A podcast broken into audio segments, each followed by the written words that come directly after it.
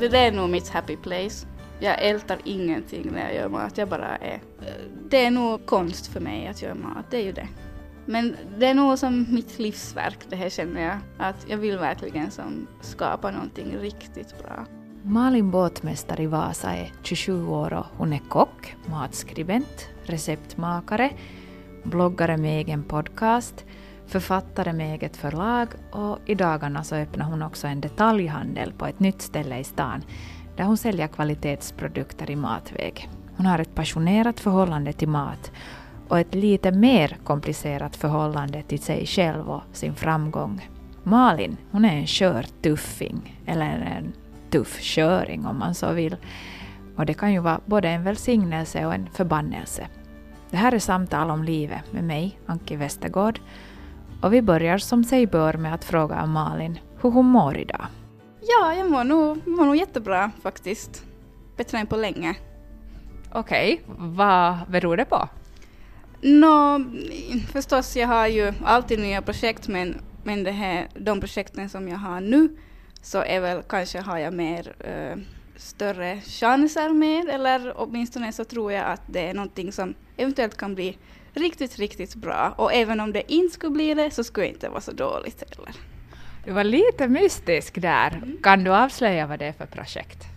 Nå, för det första så rent det här som alla ser att jag jobbar med här, så det är den här butiken som jag öppnar i Vasa.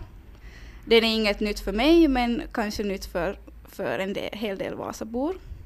Så den öppnar nu i helgen. Men så har jag också en ny bok på gång. En kokbok, eller det är en bakningsbok. Och den här gången så har jag lite, lite backup i form av ett förlag. Så det är lite spännande. Och även det, om inte skulle gå igenom, så vet jag ju att jag kan göra det själv. Så det är både roligt, men jag, som, jag har inte den där pressen som jag hade förut, att det, att det måste ju som funka. Utan nu vet jag att jag har som alltid en plan B med allting. Du är ju matskribent och, och, du har din egen butik och du är då kock och, och som sagt egenföretagare. Och, och, och, som du nämnde här har du gett ut kokböcker tidigare och det på eget förlag. Hur började det hela? Du är bara 27 år och har hunnit med allt det här redan. Jag har tänkt väldigt mycket på det där, att, att vad, liksom, vad började, men jag tror att det har ingen början. Förstår du vad jag menar? Att jag alltid varit så här. Att jag, jag får idéer som, som jag bara måste göra. Och jag är som en självgående maskin. Så att därför går det så snabbt för mig, för att jag väntar inte in andra människor. Jag tar alltid tag i saken nästan lite för fort. Nu har jag börjat lära mig att, att om, om en bra idé idag så är det också imorgon och nästa vecka också en bra idé. man måste inte alltid gå till skott. Men om man får den inspirationen så, så den, den liksom drar mig framåt. Det är som, jag bara försöker komma ikapp mina idéer. No, är det det här entreprenörskapet eller är det där kärleken till maten som gör att du liksom far framåt som en ångvält i en positiv bemärkelse?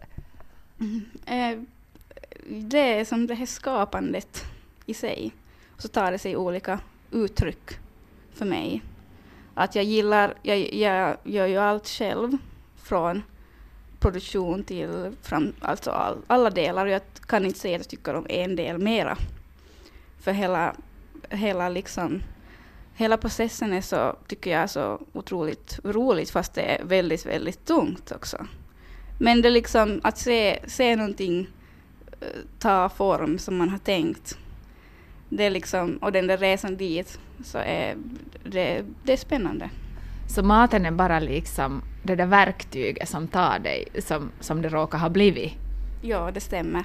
Egentligen så min, min första passion, som när jag var yngre, så var i musik. Så där började jag liksom skapa grejer ensam i mitt flickrum. och tog sånglektioner och och det var som min, min oas i högstadiet, där att få vara med på musiklektionerna. Det gav mig som lite, lite energi.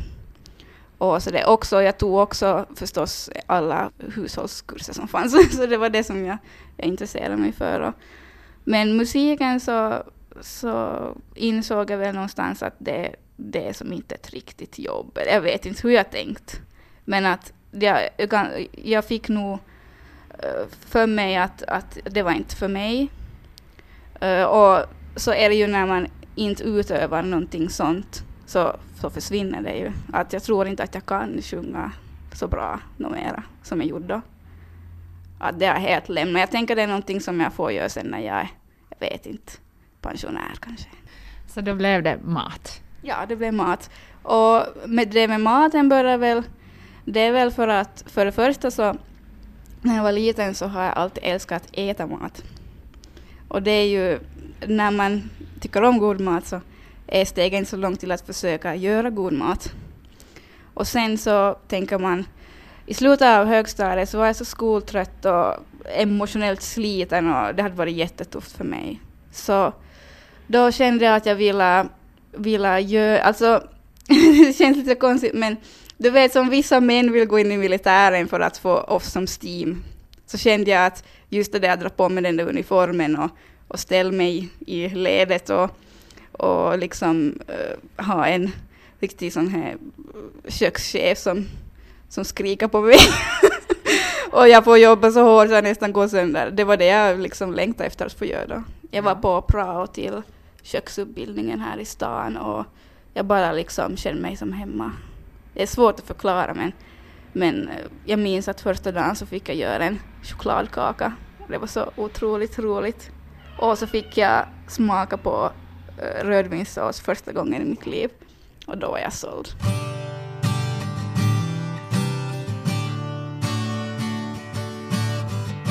Du lyssnar på Samtal om livet och vi talar med Malin Båtmästar, matkreatör och entreprenör. Malin har följt sina drömmar och hon har kämpat hårt för dem och hon har lyckats, vilket ju är långt ifrån vad många andra gör. Vad har då hon som andra inte har? Vad är det som gör att just hon har lyckats? No, jag är nog lite annorlunda och, och jag är ju som aldrig ville erkänna för mig själv att jag är nog faktiskt lite annorlunda. jag som alltid ville passa in. Men det är som, jag tror jag har lite jag kände väl redan tidigt i mitt liv att jag hade som en annorlunda bakgrund än de andra barnen. För, för jag, jag var ju skilsmässobarn och jag hade en tvilling och jag hade som speciella familjerelationer som var ganska kniviga mellan varven och, och mycket sånt. Och, och så har jag nog ändå haft, haft du vet det här uttrycket tough love. Att, eh, att eh, vad heter det, jag har nog som inte blivit curlad om vi säger så. Utan jag har nog alltid som fått ta ansvar. Och, och till och med en sån grej med, med maten att, att då jag var i lågstadiet så hade mamma lärt mig några enkla rätter. Så att jag kunde som laga mat åt familjen. Och hon ringde från jobbet och sa Malin kan du, kan du göra en köttfärssås? Fast hon säger ju morrasås. Så kunde jag göra det. Och det var lite som mitt jobb i familjen. Medan de andra kanske hade andra, andra saker som de ger till med. Och så blir det ju när, kanske när man växer upp på en bondgård, jag vet inte. Mm. Att man, jag vill helst vara hemma och sköta barn och lag mat. det låter ju lite någonstans som att du har börjat ta ansvar jättetidigt. Jo, och just när, när eh, mina föräldrar skilde sig när jag var fem, så redan då började jag tänka på sådana här vuxengrejer. Och då är jag liksom ganska känslig. Men jag gör ju allt för att inte någon ska se att jag är så känslig och att jag tar så pass illa upp som jag faktiskt gör. Så jag har som det här pokerfacet som inte många ser igenom. Egentligen bara min sambo som ser igenom det och han är ändå pokerspelare. så jag tycker det är lite roligt för han, han ser nog på mig när, när jag gör någonting som jag inte vill. Mina föräldrar hade så tufft uh, med den där skilsmässan så att jag kände att jag kan belasta dem med mina problem. Och sen så började de ju säkert tro att jag inte behöver hjälp någon gång. Så har det blivit en sån här lite ond cirkel där jag inte berättar vad jag känner och de förstår inte mig. Mm. Och jag som känner mig ganska ensam. Och därför så har jag liksom säkert tagit på mig lite mycket roller som att jag, jag, jag har som det här ska jag prestera och jag ska också vara min egen psykolog. Det var liksom inte att man kom hem och, och grät i mammas famn utan man gick upp på rummet och försökte liksom prata med sig själv. Och det där gick ju inte så bra när jag var tonåring. Jag, in i det sista så försöker jag hjälpa mig själv och, och de där tankarna blev nog så svarta och mörka så att jag kom tänkte riktigt dåligt. Men så har jag ju, jag har nog någon konstig, uh, någonting som brinner där inuti för att de, jag blir lite provocerad Så jag minns att jag, jag fick ändå gå till någon sorts kurator. Och jag tyckte att han var så korkad.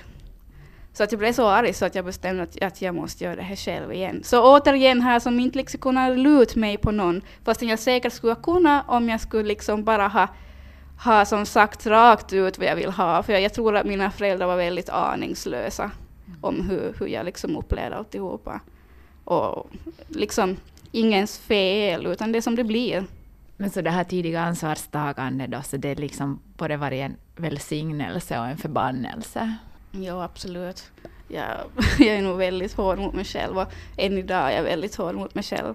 Men tror du att det skulle ha tagit dig så här långt om inte skulle ha haft den bakgrund du har?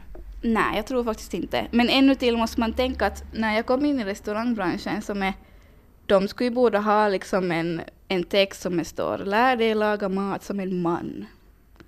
För det är som machokultur och där kan inte jag vara den känsliga lilla flickan på en och en halv meter som jag egentligen är.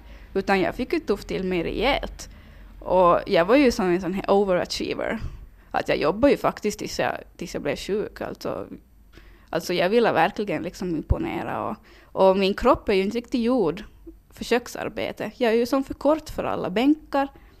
Och, och jag liksom, jag är lite känslig för hårt ljud och, och vet du, jag har satt mig i en så svår situation, men ändå att, att jag gör ändå mitt jobb bra, men, men min kropp orkar inte med vad min, min hjärna försöker göra. Så, så det var där vi kommer in på det där med panikångest. För det är min trigger när min kropp inte orkar, så då får jag panik. Så, så första gången det hände så, så stod jag och när det kommer besticken ur diskmaskinen så ska man torka dem så de blir glansiga. Och då kände jag att mina armar orkar inte. Som, att mina armar orkar inte. Håll på och putsa. Så fick jag en, en panikångestattack första gången. Sånt så det på riktigt. Och, och jag bara skakade. Och jag fick som typ utslag över hela kroppen. Alltså, jag vet inte, nu är nog stressreaktion. Och, och liksom, jag blev helt, alltså jag trodde att jag höll på att dö. Alltså, så, så, så liksom enorm attack, attack fick jag. Och liksom, man blir spy och, och det är liksom, säkert tror hjärnan att, att, att man håller på att dö eller någonting, jag vet inte. För den känslan hade jag. Och det där får man ju absolut ingen förståelse för. Att liksom skärp dig. Ja, för, för hjärnan kan ju inte skilja på ett, om det är ett verkligt hot eller ett inbillat hot. Nej, och det, det har jag ju börjat lära mig. Och om jag skulle få minsta, det har ju hänt många gånger inom restaurangbranschen när jag har jobbat, att jag har fått det. Där. Som till exempel när man kommer till jobbet och kylskåpet är tomt och kommer full sal med människor. Och det är ditt jobb att se till att de har mat, så de är nöjda då, kan jag nog, då har jag nog fått sådana miniattacker. Men inte så mycket som den där dagen. För det, då är det nog bara som enorm stress.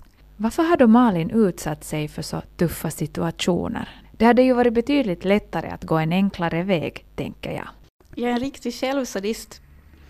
Och jag, konstigt nog, alltså till exempel bara en sån liten grej som att, att ni hör ju att jag har tandställning kanske, men jag var till tandläkaren och de frågar alltid, ska du ha någon sån här gummi som man lägger på de här uh, järngrejerna som inte ska skava i munnen säger jag nej, jag tycker att man ska härda ut så går det fortare över. För att du vet, de här ska, alltså, så man lär sig att leva med den fortare än ett sånt här hjälpmedel. Och då liksom, då kollar de nog konstigt på mig och då tänkte jag nog att, att jag kanske nog är lite självsadist. ja, alltså det är jag själv som har satt mig i de här situationerna och nu måste det ju finnas någonting att, att jag vill som jag vill jobba riktigt hårt. För, men det är nog som ändå mest för mig själv. För jag tror att jag, eller jag har ganska, egentligen ganska dålig självkänsla, har haft. Och jag känner att jag, att jag känner mig bra om jag får jobba. Men nu så skulle jag inte känna mig bra om jag skulle som jobba ihjäl mig i ett kök någonstans. Men då tyckte jag det. Men kan du ännu ha det där att du måste prestera för att känna att du är värd någonting? Ja, som före du kom hit så tänkte jag att varför ska vi intervjua mig? Jag är ju bara i början av min karriär. Jag har inte åstadkommit någonting riktigt ännu. alltså, men jag, jag förstår ju att det är liksom, jag fattar nog att det är så. Men det spelar ingen roll vad någon säger åt mig, för jag vill göra mig själv nöjd. Så att jag kan inte riktigt, jag blir jättetacksam när jag får beröm men jag har jättesvårt att ta till mig det som är riktigt i hjärtat. Jag, jag, jag uppskattar det, jag förstår det, jag, jag, tror att du menar det. Men är det mig själv jag vill imponera på. Och jag har mycket jobb kvar. Mm. Uh, vilka gånger kan du vara nöjd med dig själv? Så där riktigt i hjärta. När jag har hjälpt någon. När de säger att för att du öppnar affär så vågar jag också. Och, och när man, när man liksom hjälper någon med någon sån här företagsgrej eller någonting med matlagning och man som ser att det verkligen gick hem och att man gjorde en skillnad. Så då känner jag nog mig lite stolt över mig själv ändå. Men då handlar det ju ändå om att du har presterat någonting för någon annan. Mm, ja. Men så, ja, och just nu så känner jag att för att jag ska vara riktigt stolt över mig själv så, så vill jag ha, ha någonting konkret att visa upp på i min bokföring. För jag har haft det tufft med företagandet för att jag har tagit så många olika vägar mm. och aldrig skapat någon stabilitet. Så att det har varit, varit hårt med finanserna att överleva. Det tar ju många år att ta sig upp ur någonting sånt i företagsväg. Kanske efter det här året så, så är jag nöjd, tror jag. Eller jag känner att, att det här året kommer att bli annorlunda, för jag känner lite att, att jag till och med själv känner att kanske det här nog ändå blir mitt år.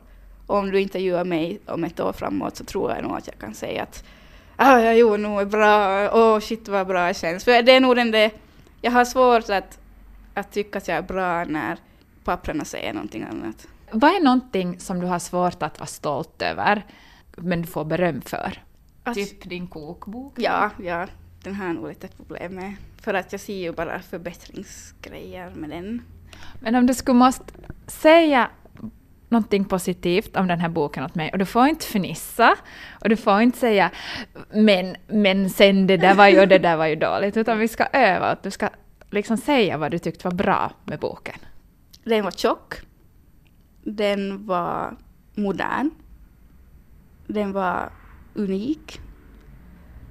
Och det var hårt arbete bakom och det gick vägen. Så hur kändes det? Nej, det, det, du får inte komma med några men. Hur kändes det där du sa hittills? Det är en lättnad. Det känns bra. Någonstans. Mm. För det är ju lite det där att, att när man börjar sen säga att men sen fanns det det där och det där felet, så det är ju lite sådär för att gardera sig för kritik. Man vill visa att jag vet nog, jag har, jag har nog sett svagheterna. För att då kan inte någon annan komma och peka på dem. Och så står man där med, eh, med liksom själen blottad. Ja, du, du såg igenom mig där. Att jag, jag tar så hård kritik så att om jag själv har kritiserat mig själv för det så då kan du säga någonting som tar sjukt. Mm. För att jag hade redan tänkt tanken. Mm, ja, ja, jag kommer som inte från en familj där man ger varandra så mycket beröm. Är man bra så hör man bara tystnad.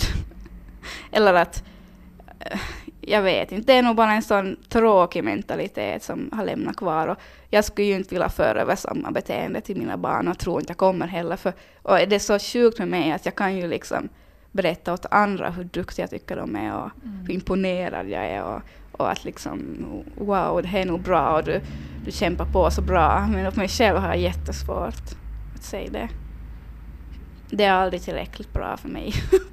Samtidigt är det ju så, så konstigt det där, därför att om du gör någonting, så även om nio av tio skulle tycka att det är dåligt, så spelar det ju egentligen ingen roll om du tycker att du har gjort det bra.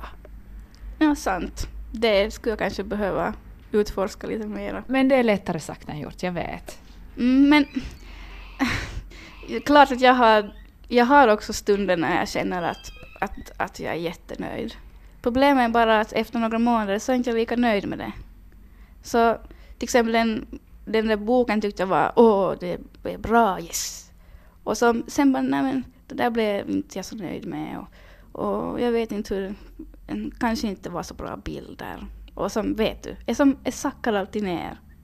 Och, och jag skulle bli bättre på det den, för det finns ju inte något tråkigare än att höra på någon som bara klankar ner på sig själv, det förstår jag ju. Men jag försöker vara ärlig och säga att, att jag, jag har sådana tankar och jag vet inte, kanske det är okej någonstans, men jag jobbar på det.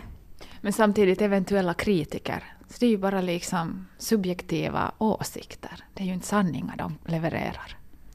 Nej, och det är alltid deras bild av mig. Och, och liksom, om man tänker att det finns en massa olika parallella universum. Jag lever i min och, mm. och, och, och, och, du pratar med din bild av mig. Mm.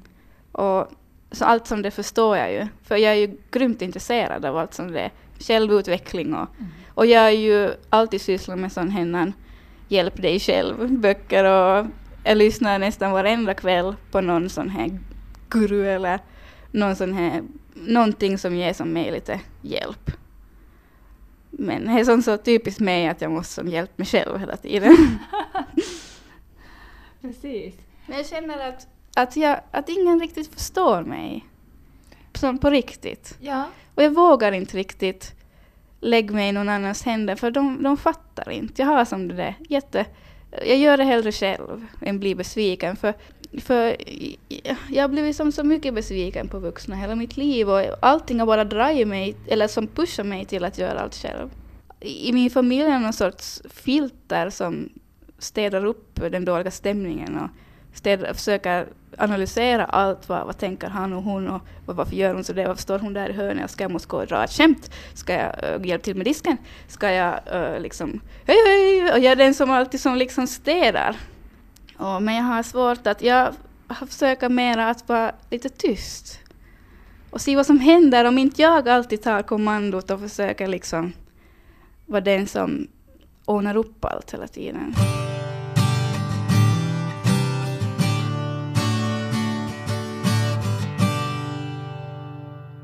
Det här är Samtal om livet och vi sitter och pratar med matkreatören Malin Båtmästare i Vasa om hur svårt det kan vara med framgång.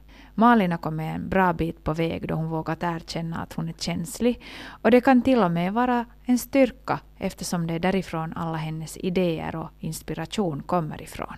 Ett verkligt mått på framgång, det var då hon tidigare i år fick vara med i en av Sveriges största och kändaste damtidningar. Hur kändes det för självkritikern Malin? Mm, som jag redan har sagt dig, det var ju en, en bilaga. Nej men där fick jag nog en enorm kris och det var ju inte nog länge sedan. Alltså då jag verkligen insåg att, att, att jag är nog verkligen liksom sjukt hård mot mig själv för att jag var ju, jag var ju missnöjd med min insats där. Då vet inte folk att jag redan har varit i kontakt med jättemånga tidningar och fått som nedslag av dem. Att uh, vi tycker inte du har tillräckligt bra foton, sa en tidning. Och det var liksom baserat på jobb som jag hade gjort för flera år sedan.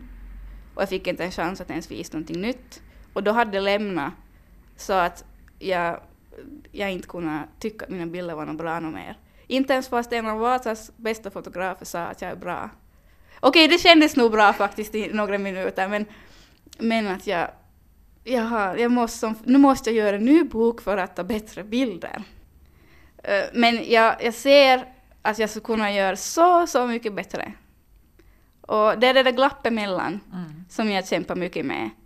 Att, att det är som ett glapp mellan vad som syns nu och vad jag själv ser inuti skulle kunna vara. För jag sa åt en bekant att jag trodde inte att framgång skulle, skulle vara så som, kännas så tufft. Jag trodde att det skulle vara lätt. Ja. Så det är bara de där grejerna som är lätta som jag liksom tycker det, känner framgång av. Jag vet inte var jag har fått det denna. Att den där framgången som bara sker över en natt, den kan jag som känna häftig. Men inte den, som jag, den verkliga framgången som man sliter för, har jag svårt att liksom känna, känna framgång över. No, alltså, det här är ju 2016 och, och egentligen så borde man ju kanske inte ställa sådana här frågor, men, men du, du nämnde det där med att restaurangvärlden, att det är en sån här machovärld och, och på vilket sätt spelar det någon roll att man är just kvinna i den här branschen? Mm, inte egentligen, men det blir ju... Man kommer inte ifrån det.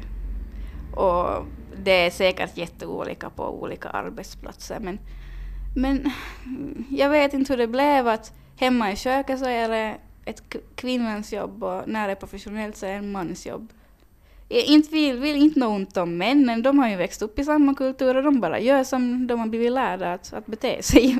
Men att jag, jag förstår inte varför, varför det måste bli en skillnad där, bara för att det är pengar inblandade. Eller vad det nu är. Det är ju en jättelång kultur det där som är kockens roll. Men, men det är ju såklart hårt jobb och, och jag som, som liten kvinna så har jag nog inte lika lätt att hänga med karlarna. Och det är ju, näst, det är ju som i en bastu varmt. Och, ja, och det de, de säger, jag har läst att, att kvinnorna får bara vara i kallrummet och liksom gör förrätter och desserter och, och männen står där vid elden och, och liksom gör det där, det där riktiga tuffa jobbet att stå där och svänga de där biffarna och vad de eh, liksom lägger upp maten. Och rent mentalt, jag orkar inte med alla manliga egon och många av dem så snöar ju in sig på sådana tekniska grejer och, och, och jag orkar inte fundera på vilken väg jag ska svänga ett blad och, och om jag använder några konstiga, vad jag har för märke på kniven och, och liksom eh, är det något Alltså, just det att de, de gör matlagningen till en så manlig grej. Allt, allt, allt som, om du förstår hur man liksom organiserar till hur man pratar med varandra i sån manlig jargong och, och du ska liksom, ju mer du plågar dig själv desto mer respekt får du där i köket och, och liksom, jag, ja, jag vill inte, alltså det dödar min kreativitet. Det krävs liksom av, av en kvinna då, nu generaliserar vi ju, hoppas att vi alla förstår, men det krävs liksom i, i stort sett då av en kvinna i restaurangbranschen att man är ganska manhaftig av sig och hänger med i den här jargongen på något sätt. Ja, absolut. Jag tror nog att, att jag har blivit lite av en arbetsnarkoman just av det där arbetsmentaliteten i restaurangbranschen. Jag minns en gång, det var en kökschef som sa att ja, nu ska vi få en ny personal här och vet ni, hon är, hon är nog bra, hon, hon är en riktig arbetsmyra. Och så tänkte jag, en arbetsmyra, det är vad jag vill vara. Och liksom att det var som att det var så, så fint. Att hon var en sån som jobbar så hårt. Men inte är det heller som liksom Gordon Ramsay-stuk. Okej, okay, jag har haft chefer som verkligen, alltså jag har varit livrädd för mina chefer. Och mycket sånt sådär att någon gör någonting fel, så då ska jag göras till åtlöje åt allihopa. Och mycket sådana practical jokes, och jag avskyr practical jokes. Alltså jag blir så illa berörd av det. Och liksom att någon kan gå och lägga chili i ens kaffe och och liksom, det är så, det är så kul! Och man bara, jag kommer hit och försöker bara överleva varenda dag. Ja. Kan jag få lite respekt? Kan jag få vara i fred? Men är det därför du har liksom tagit steget att bli egenföretagare? Jo, mycket nog. Enkelt. Ja, ja. alltså, jag, jag vill fortfarande hålla på med mat, men på mitt sätt. Och dessutom, jag har ju provat också att driva en egen liknande eh, restaurangverksamhet, en liten. Jag måste säga att det var en liten märklig. No, och, då, och även då när jag har gjort det på mitt sätt så märker jag att det ändå inte är vad jag vill göra. För jag, jag känner att jag kan göra mycket mer här i världen genom att gör frilansgrejer, jag gör matvideon, jag gör recept i olika företag till mina egna böcker, tidningar. Och rent, jag brukar som knäpp de här karan på näsan när de tycker att jag skulle måste ha en restaurang. Så vem är smart här? Ni, ni står hela dagen och gör mat åt de här människorna och fakturerar det här. Det fakturerar jag för några recept som jag har gjort. I, jag åt dem själv. Och jag, jag gjorde dem i lugn och ro där hem, tog foton, jag satt i Photoshop några timmar och försökte fixa dem riktigt fint. Då fick jag samma betalt för. Vem är det som är så liksom smart här? Vem är det som är business? Bra Malin! så, liksom, eh, så de får nog tycka att jag, att, jag, att jag inte är på riktigt då inte jag är en restaurang. De får nog göra det. Eftersom det här programmet är ett samtal om livet så måste vi förstås också tala om Malins stora passion i livet, nämligen maten. Hur tänker hon då hon går in i köket och börjar skapa? Det där är nog mitt happy place. Jag ältar ingenting när jag gör mat, jag bara är, tycker att det är roligt. Som när folk målar och ritar och så, så får jag idéer om vad jag skulle vilja göra. Och så får jag lite en bild i hur jag skulle vilja att den där bilden skulle se ut, hur jag vill att det ska smaka.